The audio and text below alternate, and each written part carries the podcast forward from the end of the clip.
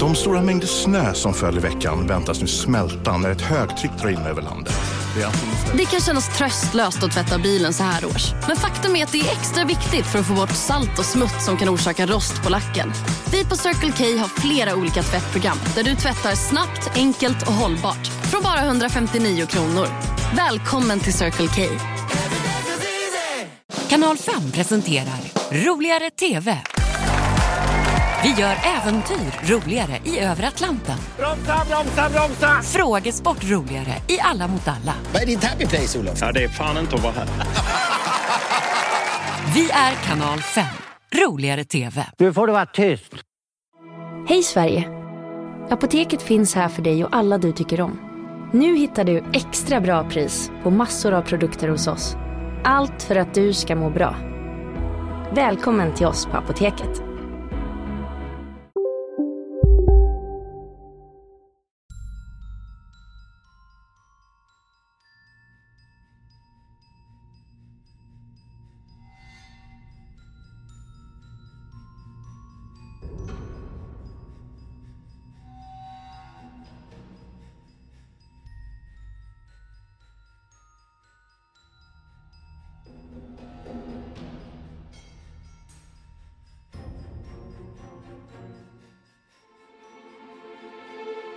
Rättegången mot Arne Cheyenne Johnson, även känd som Devil Made Me Do It-fallet, är det första kända rättsfallet i USA där försvaret försökte bevisa oskuld baserat på påståendet om demonisk besittning och förnekande av personligt ansvar för brottet. Den 24 november 1981 i Brookfield, Connecticut dömdes Arne Cheyenne Johnson för dråp i första graden för dödandet av sin hyresvärd Alan Bono. Du lyssnar på Mystiska fall med mig, Malin. Och mig, Sofie. Vi finns nu också på Patreon, där du kan lyssna reklamfritt på alla avsnitt och dessutom få ett exklusivt avsnitt en gång i månaden, endast för Patreon. Arnes fru Debbie Johnson hade ju en bror som hette David. Han var ju den första som började bli fysiskt attackerad av den här demonen. David led ju otroligt mycket av det här såklart. Och till sist så klarade inte Arne av att se David så här så att Arne bad demonen ta honom istället. Och det är ju helt enkelt vad som hände. Den scenen finns också att se i filmen The Devil Made Me Do It. Det hela började ju då med att de skulle hjälpa en annan familj, familjen Glatzel, det är ju då Debbies familj, innan hon gifte sig med Arne, att flytta in i deras nya hem. Inne i det här hemmet så fanns det en kvarlämnad vattensäng. Senare den dagen så gick David in i det här rummet ensam och sa då att han kände en stark kraft putta ner honom på vattensängen.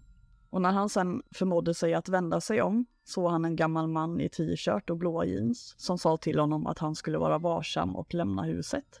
Skräckslagen såklart så sprang David ner till resten av familjen för att berätta vad som hände.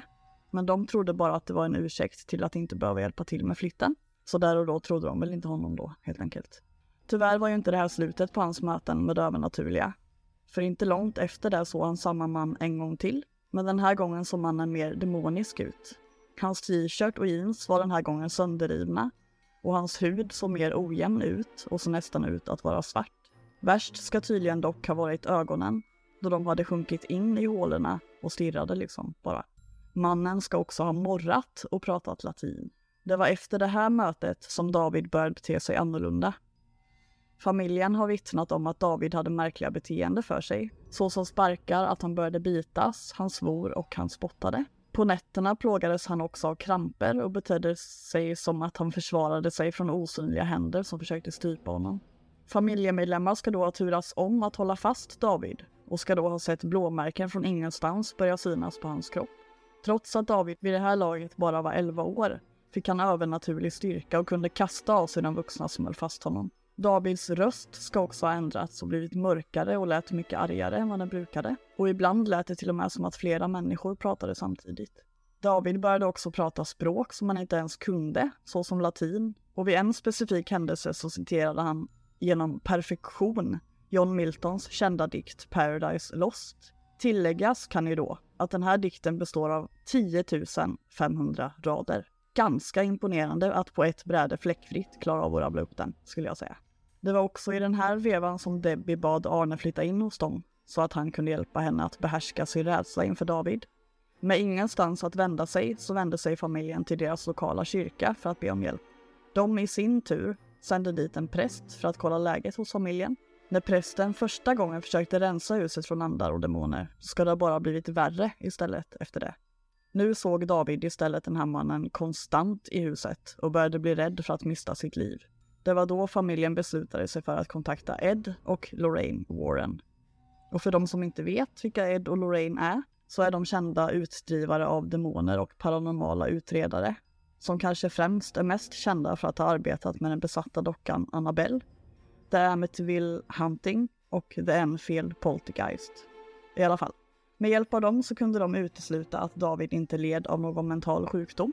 Och med hjälp också av Ed och Lorraine så började de utföra exorcism under några månader på David. Och en av exorcismerna lyckades också fastna på bandspelare som nu också då finns för allmänheten att lyssna på. Jag vill bara också höja ett varningens finger för känsliga lyssnare. Men det lät i alla fall så här.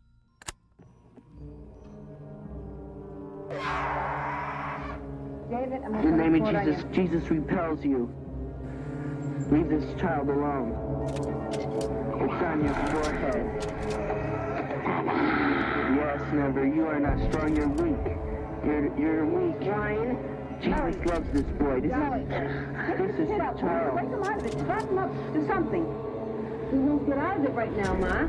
He told me there ain't gonna do nothing now. What do you think he's been doing all In the name this of the? Father and the Son and the Holy Spirit. Amen. You gotta hold him down. He told me to. Hold him on the ground. He said. Get it. Mommy's here. Mommy's here. Come on. Wake up. Come on. Get up. Come on. Let's go. Get out of it. Get out of my son. Get out of my son. Come on.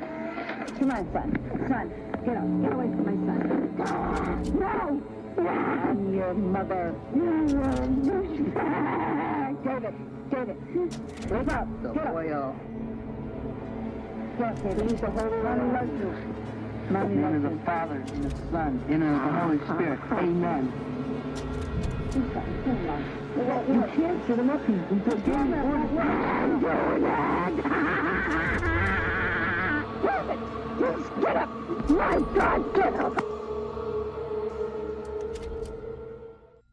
Och under den här tiden så blev David bara värre och värre och han började även kunna förutspå framtiden.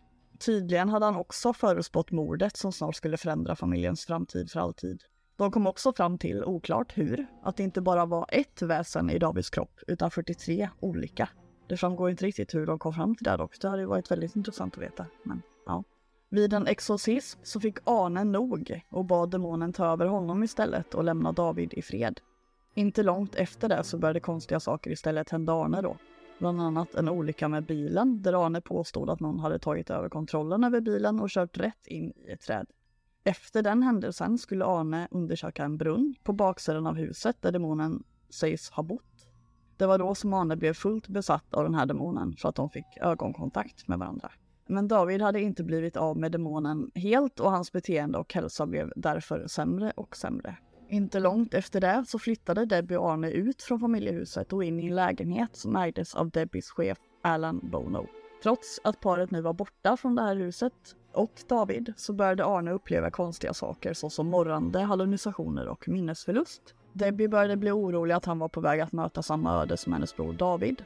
Den 16 februari 1981 ringde Arne in sjuk till jobbet och gick för att besöka Debbie på hennes jobb och också med Debbies kusin Mary som bara var nio år gammal. Erland Bono, som också var på plats, bjöd sällskapet på lunch och ska enligt rapporter druckit väldigt mycket alkohol innan han tog med sig sällskapet tillbaka till lägenheten. Erland ska ha blivit irriterad när de kom tillbaka dit av okänd anledning. Och när de var på väg därifrån så ska Erland ha tagit tag i nioåriga Marys hand och på så sätt hindrat henne från att kunna lämna. Då klev Arne fram och bad Erland att släppa Mary. Erland släppte då Mary men snart gick Debbie emellan för att det verkade som att ett bråk skulle uppstå mellan Erland och Arne. Då började Arne morra och ta ut en fickkniv ur fickan och högg Erland 22 gånger. Efter det reste sig Arne upp och gick iväg. Och kort därefter blev han arresterad av polisen. Dagen efter att han blev arresterad besökte Lorraine Warren polisstationen och berättade att Arne vid tiden för händelsen var besatt av en demon. Och när den här nyheten blev publik så exploderade det i det här fallet, förstår man ju. Martin Minella blev Arnes advokat och släppte inte fallet ens när han fick höra om att Arne ska varit besatt av en demon vid det här mordet, utan han köpte det helt och hållet. I en artikel i The New York Times den 23 mars 1981 citerades Martin säga “Domstolarna handskas med fall från Gud, nu får de handskas med ett fall från djävulen”. Det här var alltså världens absolut första fall i en domstol där någon påstod att de vid händelsen var besatt av en demon. Efter 15 timmars överläggande domarna emellan dömdes Arne för mord till 10 till 20 års fängelse. Men det slutade ju med att Arne bara avtjänade fem år i fängelse för att han hade haft ett gott uppförande. Nej men då är det säkert ett par stycken av er i alla fall som undrar vad som hände sen, efter det här. Det var ju så då att Arne Johnson gifte sig med Debbie Glatzell medan han satt i fängelse. Han fick också sin gymnasieexamen när han satt i fängelse. Arne och Debbie fick också två barn. I filmens sluttitlar så nämns ju också det här äktenskapet, även om Debbie tyvärr har gått bort sedan den här filmen gjordes. Är det någon som vet om Arne Johnson fortfarande lever då? Det är inte så mycket annat som är känt om Arne Johnson. Även om Lorraine Warren har gått ut med och sagt att han arbetade för en landskapsarkitekt efter att ha släppts ut från fängelset. Både Arne och Debbie var involverade i filmen och backade Warrens version av de här händelserna som speglas i filmen då. Det är, där typ, det är ganska tunt, man vet inte så mycket. Det tycker jag ändå är lite konstigt, för jag menar det här är ju ändå ett väldigt omtalat, alltså första personen som har suttit i rättegång som har sagt att de har varit besatta av en demon. Ja, precis. Det är ganska stor grej liksom. Mm, verkligen. Också Så. väldigt sjukt att han avtjänade bara fem år i fängelse för gott uppförande. Ja, det är ändå ett mord. Ja. Sen framgår det ingenstans heller om han skötte sig utanför murarna, men det antar man ju då. Men... Då ska vi se. Goda nyheter från IKEA. Nu är det bekräftat att fler än tusen produkter har fått nytt lägre pris. Som till exempel soffor, skåp, stolar, ljuskällor, sängkläder, kuddfodral, bord, vaser, köksredskap, byråer. Vill du ha fler goda nyheter? Välkommen till IKEA och IKEA.se.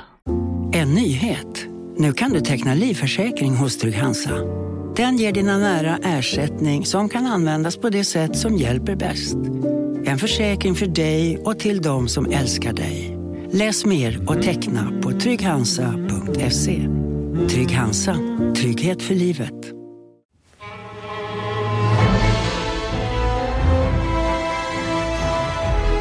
Upptäck det vackra ljudet av McCrispy Company. För endast 89 kronor. Den smakar exakt som den låter. För ett ännu godare McDonalds. Annars hade väl stått något om det, tänker jag. Ja, man tänker i alla fall. Om man var under uppsyn typ, eller om man bara fick gå. Ja, han var ute bara helt enkelt. Och fick leva sitt liv som, som vilken annan människa som helst. Mm, lite obehagligt att tänka på. Nej, men det är konstigt att det inte finns någonting tycker jag faktiskt. Mm, väldigt tunt det här fallet. Men vad har du för tankar om hela den här grejen med att vara besatt av en demon och utföra ett mord? Eller vara besatt av en demon och inte utföra ett mord? Ja, alltså jag tycker det här är väldigt svårbedömt. Jag står nog ganska mycket i så här mitten om vad jag ska tro om man var besatt eller inte. Om man nu provocerade en demon som var liksom i en besatt pojke under en exorcism så finns det ju ändå någon liten möjlighet att demonen hoppade över till honom tänker jag. Men samtidigt så är det ju en ganska lätt sak att skylla på. När det liksom är känt att han var i närheten av det. Varför han nu var där, det har jag inte riktigt förstått. Vid exorcismen menar du? Precis. Det har jag inte riktigt förstått varför han var där egentligen, men ja. Framgår ju inte heller riktigt. Nej. Varför han var i det rummet när det skedde. Så jag vet faktiskt inte riktigt vad jag ska tro.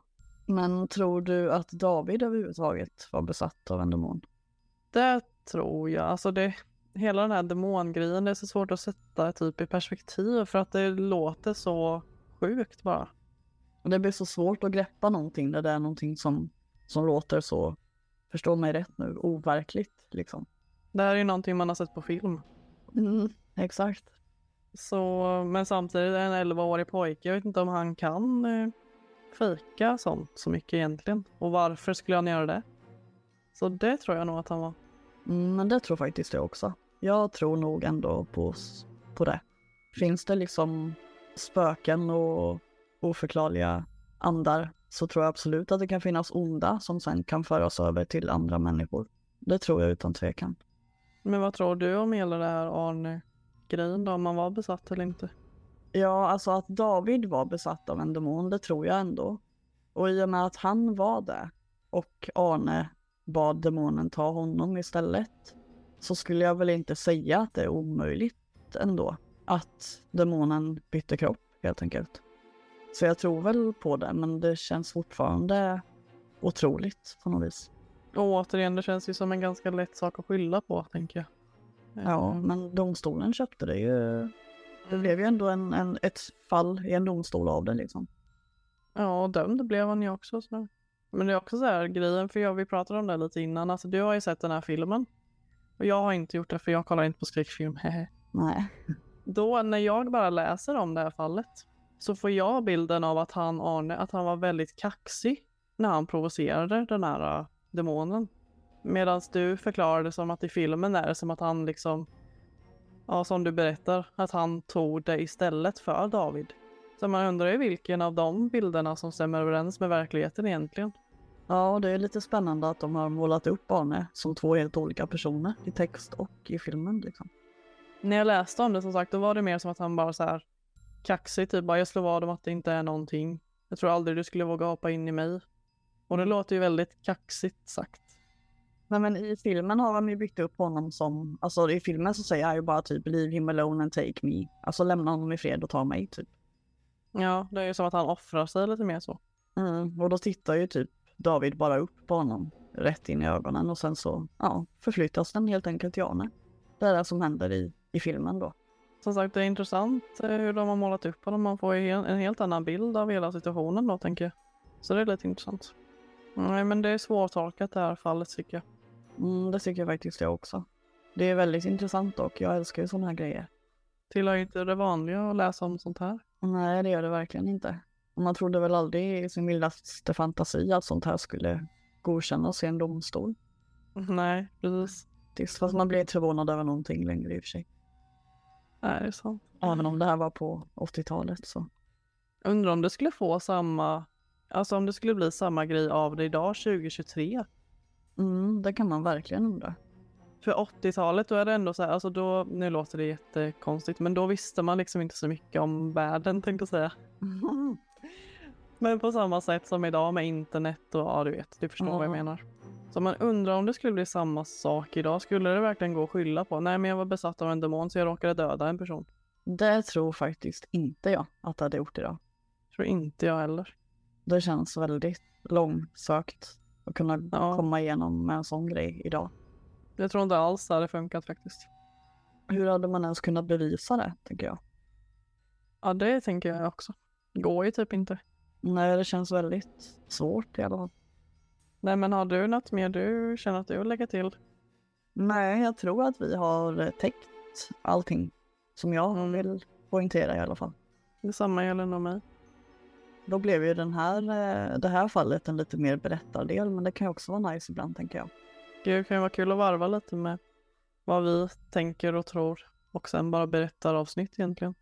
Hoppas ni helt enkelt tyckte likadant. Och så tackar väl vi för den här gången. På återseende. Du har lyssnat på Mystiska fall med mig, Malin. Och mig, Sofie.